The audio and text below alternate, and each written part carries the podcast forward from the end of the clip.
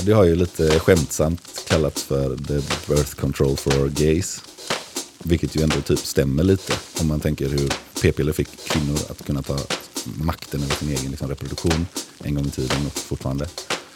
Så har ju det här pillret ändå kunnat vara ett sätt att ta kontroll över sin egen sexualitet och sina sexuella liksom, praktiker och behov. Sex på arbetstid. Sex på arbetstid. Sex på arbetstid.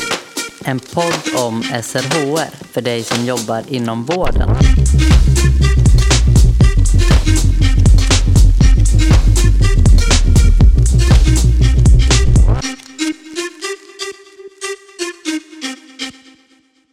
Preexpositionsprofylax, PREP, är läkemedel som man tar i förebyggande syfte för att inte få hiv. I Sverige har PREP skrivits ut i några år nu till personer som av olika anledningar löper risk för att få hiv.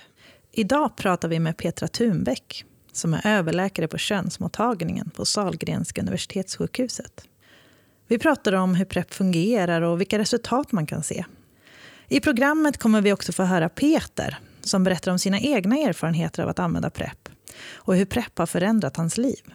Vi som gör det här programmet idag är jag, Elin Klingvall, och min kollega Anna Skoglund. Välkommen hit Petra. Tack så jättemycket. Vi har ju väldigt länge velat göra ett avsnitt om PREP och är så glada att du är här. Eh, jag tänker att vi dyker rakt in i ämnet. Vad är PREP? PREP det är, det är en förkortning av pre-expositionsprofylax. Före man blir exponerad eller utsatt för något så får man ett profylax, alltså en förebyggande behandling. Så det är mediciner som man tar eh, för att skydda sig mot att, att bli smittad med HIV. Ger det då ett hundraprocentigt skydd? Nej, det gör ju inte det, även om det ger ett väldigt, väldigt bra skydd. Men 100 procent, det kan man inte säga. Men de i, de, alltså i de tidigaste studierna som kom eh, så låg man någonstans på 85 procent kanske i skydd mot att bli smittad mot HIV. Men nu de senare studierna så är det mellan 93 upp till till och med 99 procents skydd. För vem är PREP aktuellt? Alltså I Sverige det är ju framförallt MSM, män som har sex med män, som vi använder det på. Men det kan ju även vara andra grupper som kan behöva detta som transpersoner som utsätts för risk för att få HIV och kanske även sexarbetare till exempel. Och man har ju i studier sett att kvinnor som har sex med män har ju god effekt av PREP också och män som har sex med kvinnor med hög risk för HIV. Eh, och det finns ju som som sagt var många studier på att det fungerar jättebra. Bara man tar den och, och sådär så, så funkar det väldigt bra. Även om vi alltid säger att det är inte hundraprocentigt skydd. Det är ju sant. Och vi rekommenderar absolut att man ska ha kondom ändå. Och det är ju för att det inte skyddar mot de andra könssjukdomarna. Och där har vi ju behandlingar både vid syfilis och gonorré och klamydia. Men problemet är ju gonorré till exempel där de eh, bakterierna kan bli motståndskraftiga mot de antibiotikabehandlingar som vi ger och det har vi sett sedan vi kunde börja penicillinbehandla gonorré att det småningom utvecklade resistens och så fick vi byta preparat och så fick man ge ett nytt. Och det är klart, har man många som är smittade Behöver man ge ut mycket penicillin och antibiotika så kan man också driva resistens, som man kallar det, att det blir fler och fler stammar som blir motståndskraftiga. Så det kan bli ett bekymmer. Och syfilis, de är ju väldigt känsliga faktiskt för vanligt långverkande penicillin som vi oftast ger då i sprutform. Men, men där blir det ibland lite svårt att ställa diagnosen när man blir smittad igen. För det sättet som vi ställer diagnosen eh, syfilis på det är ju att man tar blodprover och så ser man att man har ett immunförsvar, antikroppar mot syfilisbakterien. Har man blivit smittad en gång, då har man ju redan utvecklat antikroppar. Blir man smittad igen så får man titta lite grann på nivåer och vissa av de här antikropparna som kan tyda lite grann mer på en färsk smitta men det, det, det blir lite svårare att, att fånga upp dem eller ställa diagnosen. Så att därför vill vi ju inte att PREP ska göra att man struntar i kondomen och får massa andra könssjukdomar. Men då har jag en fråga, för nu är ju hiv-behandlingen, alltså för personer som lever med hiv så är ju behandlingen så pass bra att man inte kan överföra hiv till någon annan, även om man inte använder kondom. Så varför behövs PREP? Ja, och det är ju en jättebra fråga och PREP behövs ju absolut inte i en relation där den ena lever med en välbehandlad HIV och den andra inte har HIV. Där behöver man inte PREP. För som du säger, har man en välfungerande behandling, fått ner sina virusnivåer, man tar sina mediciner, så säger man att i princip så är man inte smittsam. Man behöver inte använda kondom, man behöver inte informera om HIV-diagnosen. Men PREP är ju om du är tillsammans med personer, alltså om du har oskyddat sex med olika partners och det finns risk att någon av dem är smittad med HIV, kanske inte har upptäckts och därmed har höga virusnivåer. Så att lever du i en fast relation med en enda där du vet HIV-status, då kanske inte PREP behövs utan det är ju i andra situationer. Finns det några sammanhang eller när, någon gång när man inte bör ta PREP eller inte ska använda PREP? Alltså dels, i alla fall på vår mottagning så brukar vi göra så att, att en person som är intresserad av PREP träffar först vår kurator och där man går igenom lite sexualanamnes, varför ser du behovet, hur ser ditt liv ut, alltså risker, nackdelar, fördelar och ibland kan personen i det samtalet komma fram till att nej, men det är klart, alltså ta en medicin som ändå kan ge biverkningar. Har jag några större risker? Nej, jag kanske inte behöver det. Så att först får man ju liksom gå igenom och se att det faktiskt finns ett behov. Det är klart man hör att Åh, jag kan vara supersäker, jag kan ta undan all risk. Men det är klart det ska ju vara en, en slags balansgång mellan risk och nytta. Och är riskerna väldigt små att man blir smittad så finns det ju eh, liksom ändå så med mediciner kan man få biverkningar, vill jag ha det om jag inte har ett bra, liksom ett behov av skyddet. Så att först ska man liksom titta att man verkligen behöver det. Och sen eh, är det ju naturligtvis så att man måste se att patienten inte är allergisk eller överkänslig mot något i, i medicinen. Att de inte har någon sjukdom som gör att det kan vara svårt att använda den här. Um, och då är det så den eh, medicinen som man ger den kan ha effekt dels förebyggande då mot HIV som vi pratar om här nu men den kan också ges som behandling vid hepatit B så då måste man först ta reda på har man hepatit B? Ja men då brukar vi diskutera med, då får man fundera hepatit B-behandlingen, blir det en bra behandling? Var i hepatit B liksom sjukdomen är i patienten? Så hepatit B kan vara en fundering som man måste, det måste man alltid titta på. Har man påverkan på njurarna så är den inte alltid så bra den här medicinen för den kan ge som biverkan påverkan på njurarna. Så det tittar man alltid på. Och sen får man ju se också att de inte står på någon annan medicin som de måste ha som krockar med den här medicinen. Det är ju alltid så, vissa mediciner krockar med andra. Kanske kan gå bra att ge men, men man måste i alla fall tänka och se att det, att det verkligen funkar. Så att, eh, no, några, ibland passar den inte men, men ofta så funkar det ju bra. Men om det inte finns några man säger, medicinska hinder för mm. att få PREP, eh, kan man ändå neka en person att, som vill få PREP? När det kom då, precis när vi var ovana, så är det ju ändå så att det är två effektiva HIV-mediciner i en tablett. De kan ge biverkningar. Det är ju det är ett ansvar att skriva en medicin och då måste man ju, alltså har du en väldigt allvarlig infektion som en HIV-infektion då är det på något sätt mer acceptabelt att man får biverkningar av en medicin för du måste ha den för att överleva. Och då ger man ju inte bara den här preppmedicinen utan då ger man det i kombination med andra mediciner om man ger det för HIV. Då. Men när man då tänker att man ska ge en förebyggande medicin, det är ju samma som vaccinationer. Vi måste vara himla säkra på att vi inte ger mer skada än vad vi ger nytta detta. Så därför var man verkligen, man höll sig väldigt mycket till riktlinjerna och det första som kom var rätt alltså du måste ha haft, eh, fylla vissa krav eller kriterier då att du måste ha haft kanske ett visst antal eh, könsöverförda infektioner i ändtarmen, du måste ha haft syfilisinfektion senaste åren, en massa sådana här kriterier. Sen har vi väl lärt oss mer om detta, man har sett eh, att det är väldigt bra skydd och alltså rent globalt så är ju detta en jätteviktig del i att få stopp på HIV, med, eh, HIV epidemin. Så att eh, vi gör ju fortfarande verkligen en bedömning. Men de patienter som där det inte blir aktuellt då är det oftast patienten själv, efter att ha fått information och diskuterat så känner de oftast själva, nej men det här, inte just nu, jag behöver inte detta, eller det här, det här är inte för mig. Men att vi skulle säga till en patient som verkligen vill ha det att nej, nej, nej, det här får du inte. Det brukar inte hända, för jag menar, de som kommer till oss har ju ändå, man fyller i en slags eh, ja, en liten frågeformulär där man på något sätt själv tror jag får svart på vitt sina risker och vi får också se då. Och då har man oftast en reell risk. Så att då brukar det ju sluta med att man får medicinen. Så, så är det. Hur ser det ut idag? Kan alla läkare ordinera eller förskriva eh, PREP?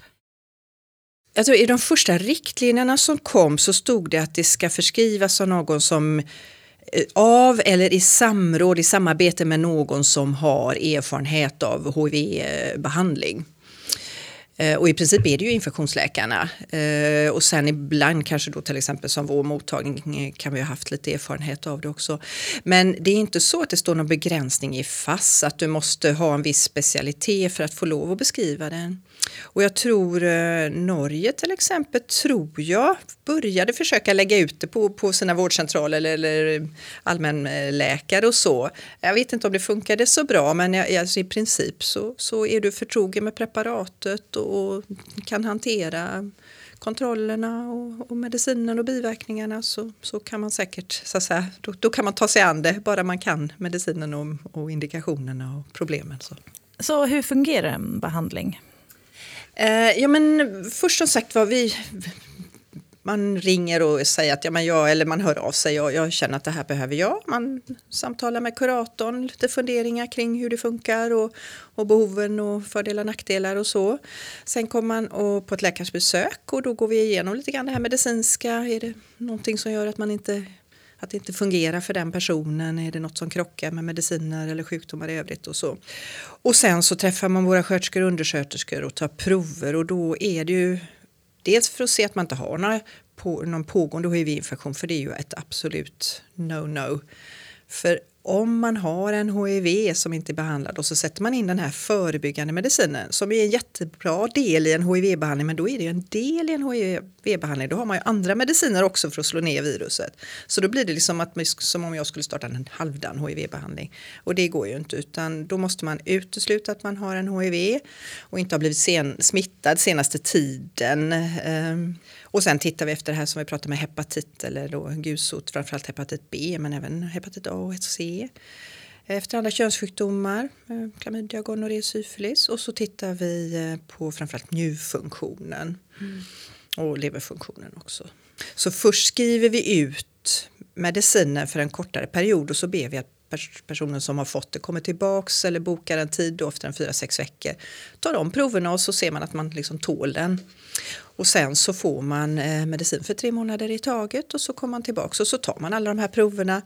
Dels för att se att man tål medicinen, inte får biverkningar och dels för att se att man inte har fått någon annan könssjukdom som då man naturligtvis behöver behandla och smittspåra och så.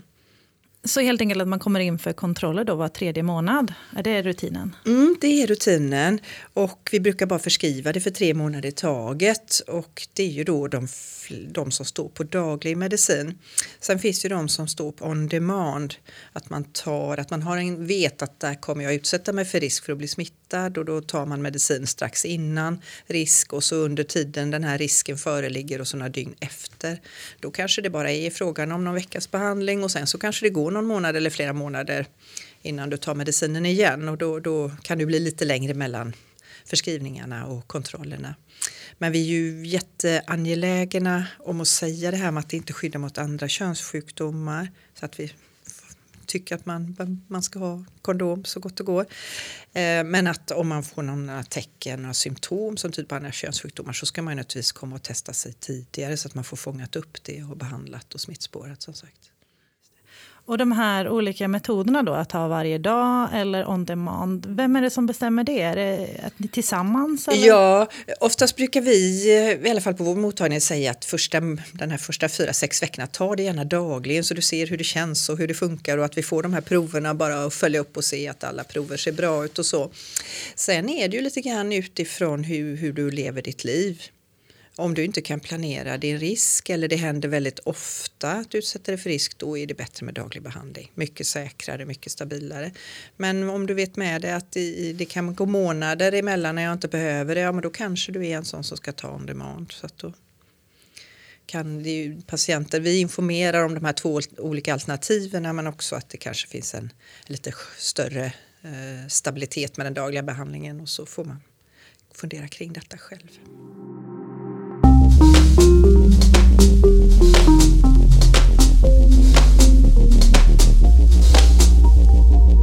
Nu ska vi få höra PREP-användaren Peter. Han delar med sig av sina erfarenheter och reflektioner kring PREP. Hej Peter! Hej. Du heter ju egentligen inte Peter, utan du har ju valt att vara anonym eh, i det här avsnittet. Ja, det var egentligen eh, inte så mycket för att jag bryr mig om att vara anonym. Jag tycker det är helt okej att prata om sånt här. Men eh, mer för att respektera partners och sådär. Så tyckte jag att det var vettigt eftersom de inte är här själva. Precis. Eh, vill du berätta lite om dina erfarenheter om PREP? Ja, eh, just nu använder jag inte PREP för tillfället. Men jag har gjort det tidigare i olika omgångar. Ehm, jag började för ett par år sedan. Och det var väl lite olika anledningar kan man säga. Dels så hade jag då en partner som eh, under en period hade en helt irrationell liksom, rädsla för att få hiv. Vilket gjorde att han eh, blev väldigt låst. Liksom. Och vårt sexliv blev väldigt låst för att vi båda ändå ville kunna träffa folk vid sidan av, fast tillsammans. Liksom. Eh, så det var en anledning. Sen så var det också för att jag har ett intresse av liksom så här, hur funkar det med PREP i Göteborg och hur eh, får man tag i det? Och det här var ett par år sedan så då var det liksom lite oklart.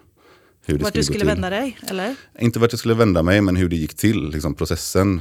Ehm, jag jobbar delvis också som informatör för sexuell hälsa, så att vi följde den här utvecklingen i Västra Götaland ganska, ganska tätt.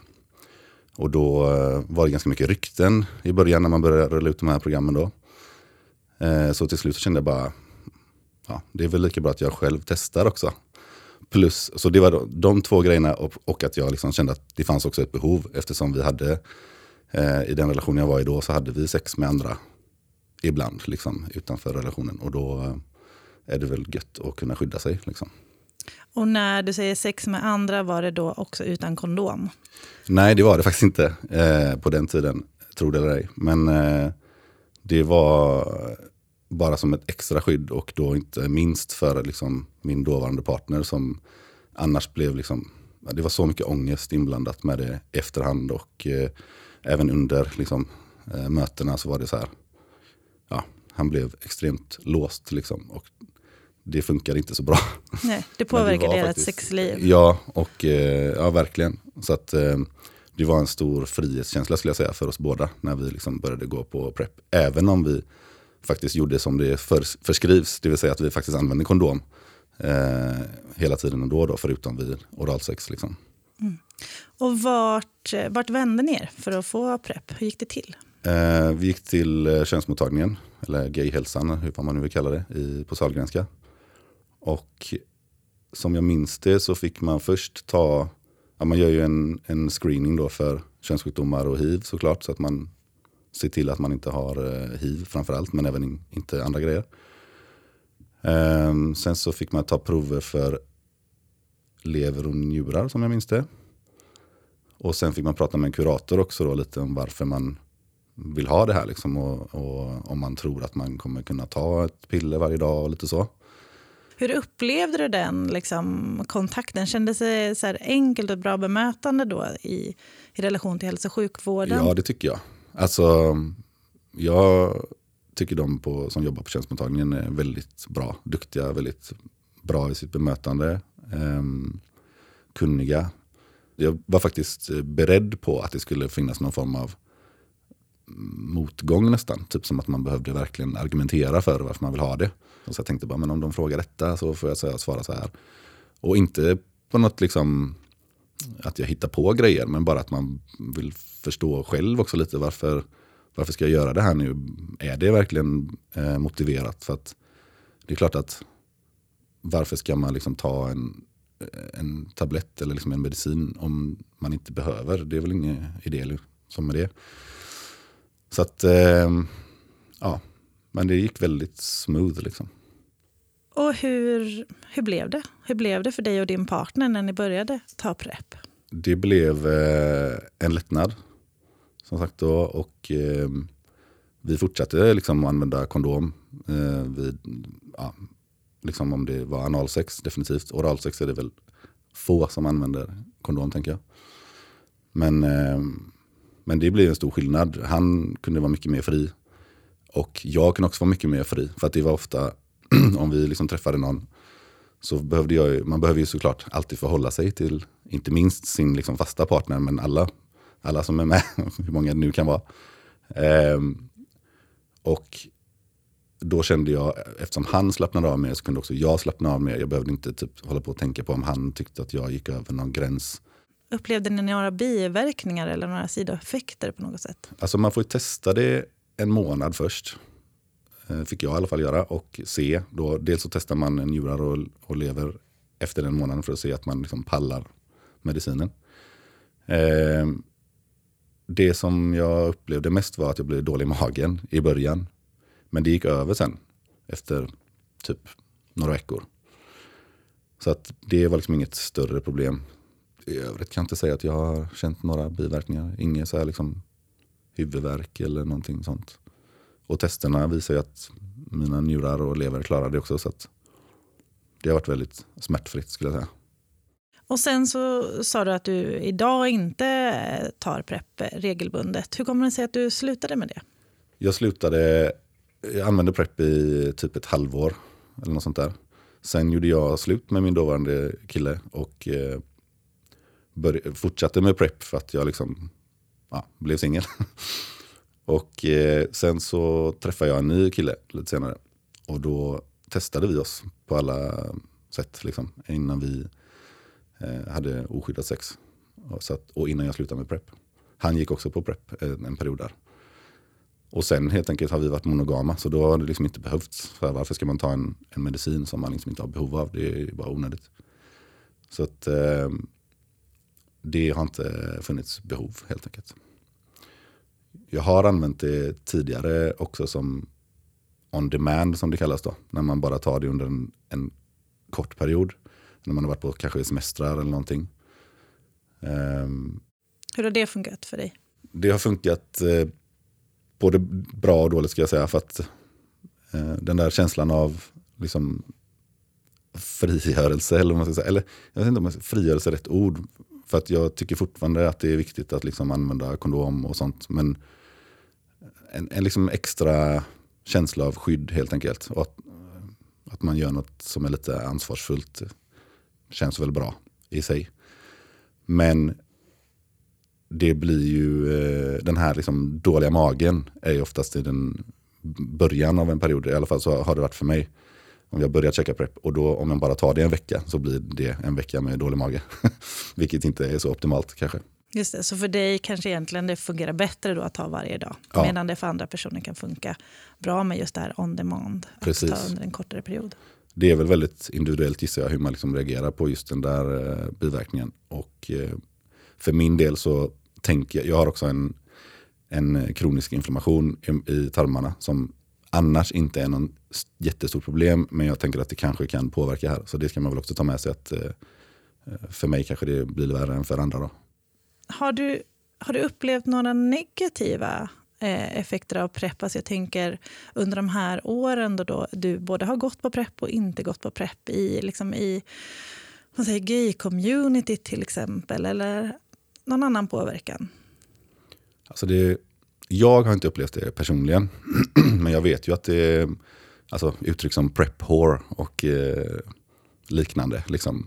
Vad står det för? Prep whore? Ja, men, prep-hora då, liksom att man skulle typ börja ta prep och därmed bli helt liksom, lösslagen och bara ha sex med allt och alla och inget annat skydd. Och, och det är säkert så för vissa, för att vissa vill ha den typen av sex och prep kan möjliggöra den grejen.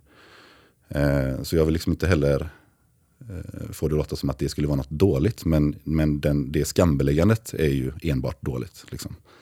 Så att eh, om det nu är någon som, som vill knulla runt med hur många som helst hela tiden så är väl det skitbra att de i så fall då har tagit i alla fall ett steg att skydda sig med PREP ifall de nu förstår att kondom av olika anledningar inte liksom är ett bra alternativ för dem. Antingen för att de inte vill själva eller för att man ja, ha sex i samband med att man tar droger och kanske inte kan alltid kontrollera att om man blir påsatt den personen har en kondom på sig. Etc, etc. Men då tycker jag väl, PREP är i alla fall ett sätt för dig, att, dig själv att ta ansvar för din hälsa. Liksom. Du kan inte lita på att någon annan säger att de går på PREP och sådär. Utan du kan bara ta ansvar för dig själv. Så det tycker jag, eh, den där liksom skambeläggandet måste verkligen fan försvinna. Det är hemskt. Det är en typ av slut-shaming. Liksom. Hur har det varit för dig att du liksom fortfarande vill använda kondom och gå på PREP? Är det någon som har tyckt att eh, nej men det behöver väl inte göra, du går ju på PREP? Ja, det är definitivt. Det var bra att du frågade det. För det, det är väl den effekten som jag, man kanske har märkt tydligast. Då. Om till exempel jag och mitt ex när vi tog PREP samtidigt och eh, vi träffade någon liksom, på någon hookup. Så visste de oftast, eh, man kanske hade sagt innan vi går på PREP. Och då var det som att de förväntade sig att man skulle knulla utan kondom. När de kom dit och till och med blev så här bara, va? Vadå? Varför gör ni så? Liksom, varför tar ni ens PREP då? Och tyckte typ att man var lite dum i huvudet. men eh, det är fortfarande, liksom, för oss då så var det liksom bara, ah, men det är så det är. Och vill du inte så kan du gå. Typ. Så att, eh, men den, den grejen finns absolut hos många. Att eh, prep och kondom är liksom, vad säger man, hängslen och livrem fast på ett negativt sätt. Just det, men hur tror du det blir för personer som då... Jag menar, du har ju en erfarenhet om att så här, informera om sexuell hälsa och är väldigt stark i hur, hur du tänker kring att skydda dig själv och andra, eh, kring andra STI och så vidare. Men, men hur tror du det blir för personer som kanske inte känner sig lika säkra att stå på sig i det? Ja, det kan ju såklart bli svårt eventuellt. Och inte minst om man exempelvis äh, känner att man har scorat någon som liksom kanske var lite hetare än en själv. Och liksom sådär. Man har, vilket för övrigt är ett problem även med kondom liksom, i övrigt, oavsett PREP. Liksom. Eller att man var lite för full och inte brydde sig för, och någon pushade på. Det, det är ju, kan ju vara ett problem, men, men jag tror inte att det egentligen är ett problem som är, liksom, påverkas så sjukt mycket av PREP. För att det kan lika gärna hända ändå. Så här, jag har bestämt att jag ska använda kondom, men träffade någon som var lite för snygg, jag var lite för full eller lite för hög eller lite för kåt för att orka stå på mig för att jag ville ligga typ. Hur tänker du kring, alltså man, man larmar ju en del nu just att, det, att både gonorré och syfilis har ökat väldigt mycket de senaste åren. Tänker du att det har något samband med att PREP har blivit vanligare? Det kan det säkert ha. Jag vet, jag vet att jag har sett eh, siffror på att ställen där man har liksom infört PREP-program, typ storstäder som London och Berlin och andra ställen. Att, eh, och kanske även här i Sverige för den delen. Att när det liksom införs på en population så kanske man först ser att eh, andra STI ökar som gonorré och så vidare. Men att de ofta brukar klinga av sen igen och gå tillbaka till typ en normal nivå. För att om man nu tyckte att PREP var den där grejen som gör att jag kan knulla helt fritt utan kondom. Och så drar jag på mig liksom gonorré efter gonorré efter klamydia etc. Liksom till slut så tröttnar man ju på det. Det är inte en nice grej. Liksom. Och då kanske man börjar använda kondom igen. Men, eller åtminstone kombinera dem. Det behöver inte vara liksom 100% antingen eller. Om man vet att man är en person som oftast vill använda kondom men att man förstår att det finns situationer där det inte alltid kommer, vara, det inte alltid kommer funka. Så kan det ju vara gött att ha PREP som en backup i alla fall. Eller om man liksom gillar olika typer av sexuella praktiker och kinks där det kanske finns en högre risk för hivöverföring och där kondom inte ens är liksom en, en grej. Typ. För att det inte handlar om att liksom, en kuk ska in i en röv eller så. Så att eh, den här saken också med att man, när man rullar in folk i prepprogram så får man också en, en, en kontinuerlig kontaktyta med folk att komma in och testa sig för allt. Eh, vilket ju i sin tur, tänker jag, bara det liksom minskar smittspridning av alla STI. Så det är också en viktig grej om man, nu, om man är cynisk och inte liksom kan se vinsten i detta från liksom vårdens sida och varför ska vi betala för detta eller varför ska vi ha, hålla på med det här. För även om själva medicinen inte kostar så mycket så är det såklart arbetstimmar etc. Så. bara ur en ren ekonomisk eller så här smittskyddsperspektiv så är det ju ett sätt att liksom få folk att faktiskt komma in och testa sig på en regelbunden basis. Så um, det om något är väl viktigt bara där. Det har man redan vunnit. Liksom. Prep är ju framförallt stort bland män som har sex med män och i gay-communityt. Hur tänker du att det har påverkat gay-communityt att Prep har kommit? Ja, det har ju lite skämtsamt kallats för the birth control for gays. Vilket ju ändå typ stämmer lite om man tänker hur det fick, liksom, alltså, p-piller fick kvinnor att kunna ta makten över sin egen liksom, reproduktion en gång i tiden och fortfarande. Så har ju det här pillret ändå kunnat vara ett sätt att ta kontroll över sin egen sexualitet och sina sexuella liksom, praktiker och behov. För det, alltså, man ska inte liksom, förringa och glömma bort det liksom, kollektiva traumat som hela aids-epidemin har varit för ja, hela världen, men inte minst liksom, män som har sex med män. Då. Och eh, det här pillret har liksom gjort att eh, många har kunnat släppa den rädslan, skammen, ångesten liksom när det var, kanske hände att man inte använde kondom någon gång eller den gled av eller den sprack och så bara shit, vad händer nu liksom? Om du då vet att mm, men jag går på prep så att det är lugnt liksom ändå. Det, jag, jag, jag tror att det är en sjukt viktig grej. Alltså. En ökad livskvalitet helt enkelt. Verkligen. Och eh, ja, men det, det är liksom redan, finns så redan så himla mycket skam eh, inbakat i att vara bög eller transperson för den delen. Med hela ens uppväxt och liksom hur samhället behandlar en och vilka signaler man får från media och allting. Och att då ytterligare ha den här liksom sjukdomsstämpeln liksom nästan förbestämd när man kommer ut. För många är det, fan, det är helt fruktansvärt och det är svårt att skaka av sig. Och den är så himla, jag tror att den kan vara så himla närvarande att man typ nästan inte ens fattar det. Tills man eventuellt då hittar sätt. Prep kan vara ett sätt att liksom skaka av det lite. Jag kommer själv ihåg när jag var på min första Pride i Amsterdam för ett antal år sedan.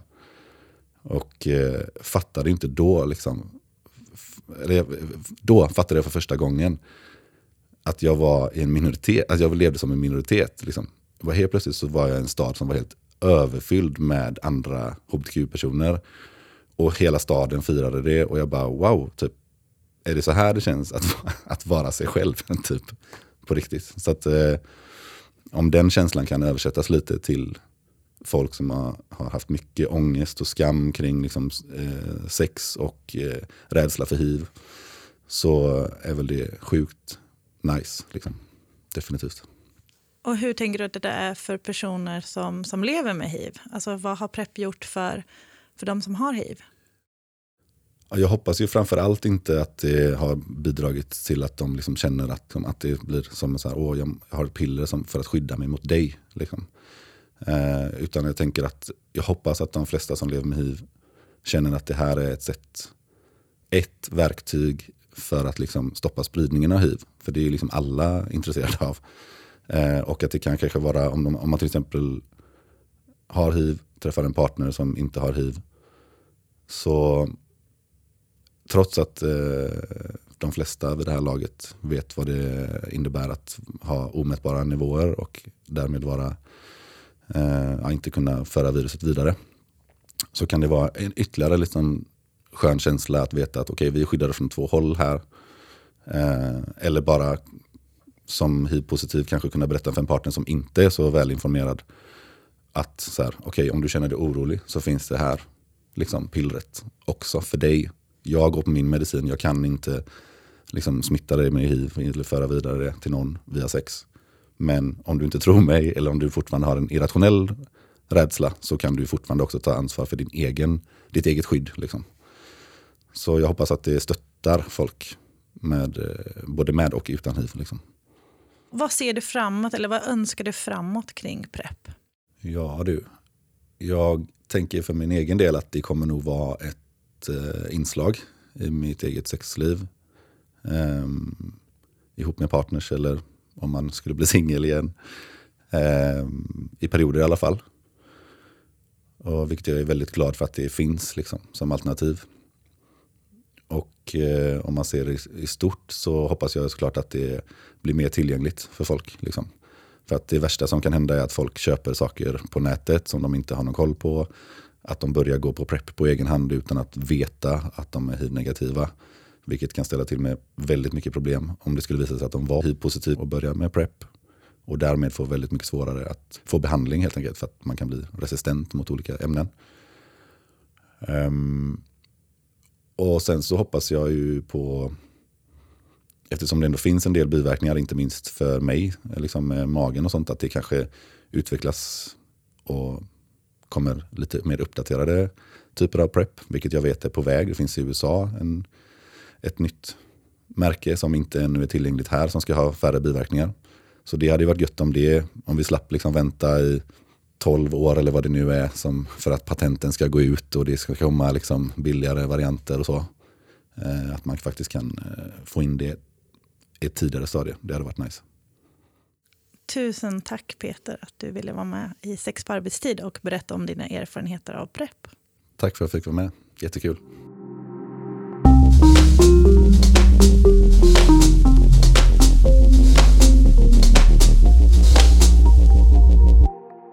Petra, vad tänker du när du hör om Peters erfarenhet av PREP?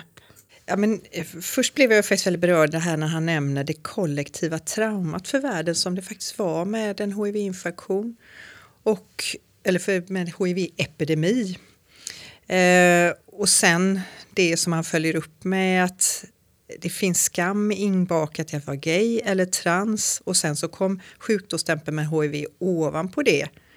Och att PREP då kan vara ett sätt att skaka sig av det. Så det, det, måste jag säga att det berörde mycket. Eh, Peter pratar ju om att han har fått en del biverkningar i form av magproblem. Är det en vanlig biverkning man kan se? Ja, men inte helt ovanligt. En del kan ju få besvär med magen i början eller huvudvärk, trötthet, lite magbiverkningar. Väldigt ofta om man får det så går det över på några veckor. Eh, så att det är inte något jättestort bekymmer och jag tycker inte det är många utav, utav de som tar PREP som slutar på grund av biverkningar. Men visst, någon enstaka gång kan det ju vara det. Sen kan det ju vara de här biverkningarna som man inte känner själv men som vi fångar upp i prover att det kanske ger någon njur eller leverpåverkan där vi måste följa upp och kanske sätta ut det tillfälligt eller kanske om det blir en, man kan se att det verkligen är biverkning av medicin att man kanske till slut säger att nej, men det här är ingen bra behandling för dig.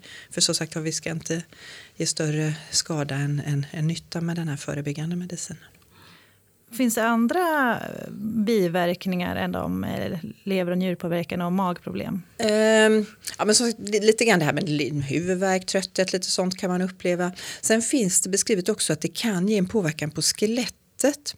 Och det är att, att kanske första året framförallt när man startar på PREP så kan man få en något ökad urkalkning av skelettet. Sen, får vi, sen, sen landar man på samma nivå som alla, så även om man inte tar PREP så har vi en viss utkalkning av vårt skelett när vi blir äldre. Så att det är inte några stora grejer. Men det är klart om man har en äldre person som behöver PREP och som kanske har haft fraktur, alltså benbrott eller som har andra mediciner som påverkar kalk eller skelettet eller så. Då, alltså då, då får man kanske ta sig en funderare om det är större risker. Sen har man inte i studier riktigt sett hur stor risk detta faktiskt spelar i det verkliga livet på, på lång sikt. Men det är klart, som sagt alla mediciner har biverkningar så man ska inte tänka bara att det är inga problem med något. Eh, men jag tycker det är väldigt sällan så, som vår, de som, som står på PREP har, har några större bekymmer med sin medicin. Även om enstaka kan få det. Peter har ju slutat med PREP. Ska man tänka på något speciellt när man slutar eller gör ett uppehåll med PREP? Alltså igen, jag menar, detta är ju en medicin som du tar för att du tänker att du utsätter dig för risk och om ditt liv ändras och du inte längre utsätts för risk så ska du självklart inte ta den här medicinen i onödan. Och du behöver inte trappa utan du kan ju sluta från en dag till en annan. Bara man liksom har det mindsetet och vet om att det här skyddet har försvunnit. Um, så annars så finns det liksom inga, inga särs, inte något särskilt man behöver tänka på i samband med att man slutar. I bland annat Storbritannien så ser man ju en stor minskning av hiv sedan PREP blev tillgängligt. Hur ser det ut i Sverige? Ser vi några siffror här? Alltså, att, som sagt, att tittar man globalt så finns det ju stöd för jag menar, Australien, England, Kenya, Uganda och både bland MSM och även kvinnor att det kan skydda. Eh, I Sverige om man tittar på antal som har fått HIV-diagnos innan vi startade då 2017 Ehm, så ehm, hade vi ett visst antal fall med HIV eh, som fick sin diagnos i Sverige. Och sen de kommande åren så har det varit, det har inte varit egentligen några stora skillnader förrän nu 2020. Då blev det en minskning, men det tror jag inte vi kan tillskriva PREP utan det var nog snarare att vi levde så annorlunda. Vi kanske inte fick migranter från länder med hög hiv-förekomst i samma utsträckning. Vi själva reste inte och kanske hade sex eller blev smittade utomlands.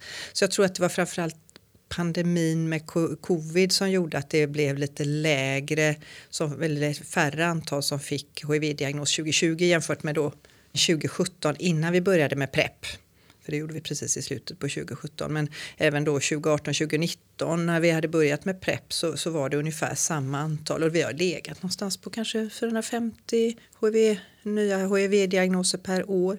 Men jag har pratat med en kollega uppe i som jobbar på Venhälsan, en stor MSM-mottagning i Stockholm. Och han säger det att de tycker att de helt klart märker att de får färre nya HIV-diagnoser bland sina MSM-patienter nu jämfört med innan de började med PREP. Så att det här är, det, det kan, där kan man säkert se. Här i Västra Götalandsregionen har vi inte lika många som får en HIV-diagnos. Vi kanske inte ser lika stora skillnader. Men på sikt så, så, så kan man nog kanske tänka sig att man ser att det blir en nedgång. I Region Stockholm har köerna varit långa för att få PREP.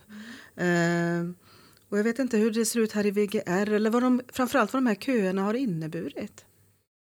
Ehm, I Stockholm som sagt var så har jag haft kontakt med Finn Filén som jobbar på Venhälsan som jag tror i princip har varit de enda som i alla fall tidigare har förskrivit PREP i Stockholmsregionen.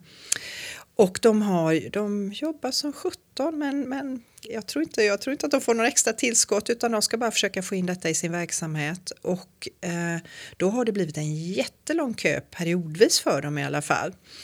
Eh, och det hörde jag av, eh, av Finn Filén då att det var sex stycken som stod i kö på, för PREP som fick HIV. Och det är ju bara så sorgligt och så onödigt och så synd.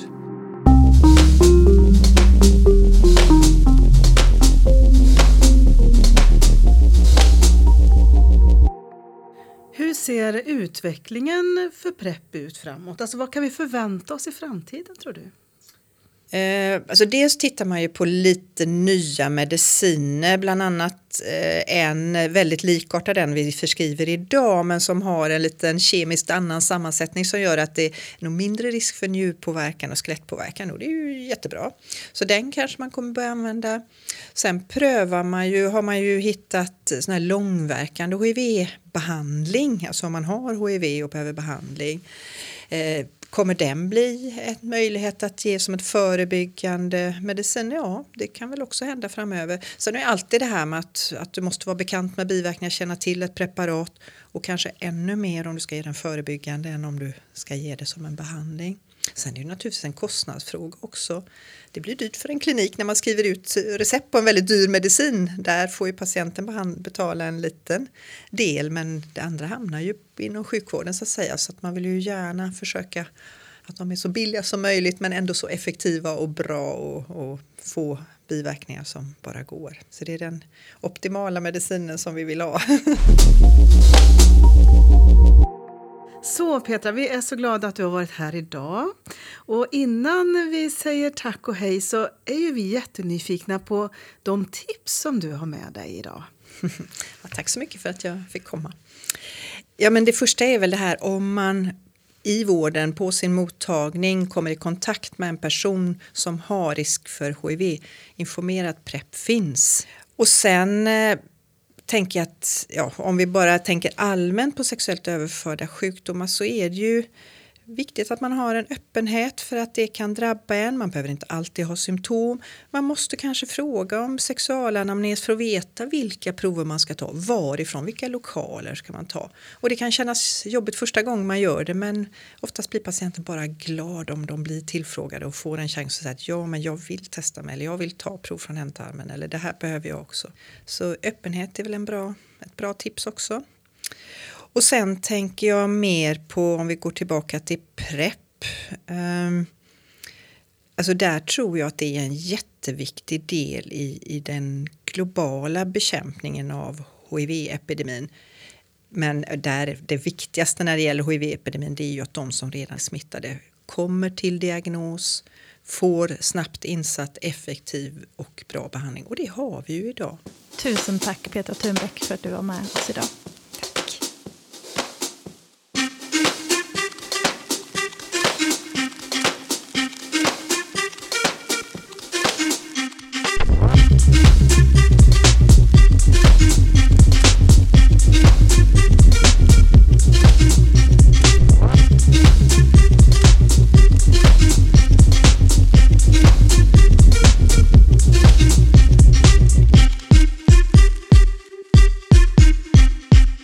Du har hört Sex på arbetstid, en podd som görs av Kunskapscentrum för sexuell hälsa, en del av Västra Götalandsregionen. Producent var Elin Klingvall.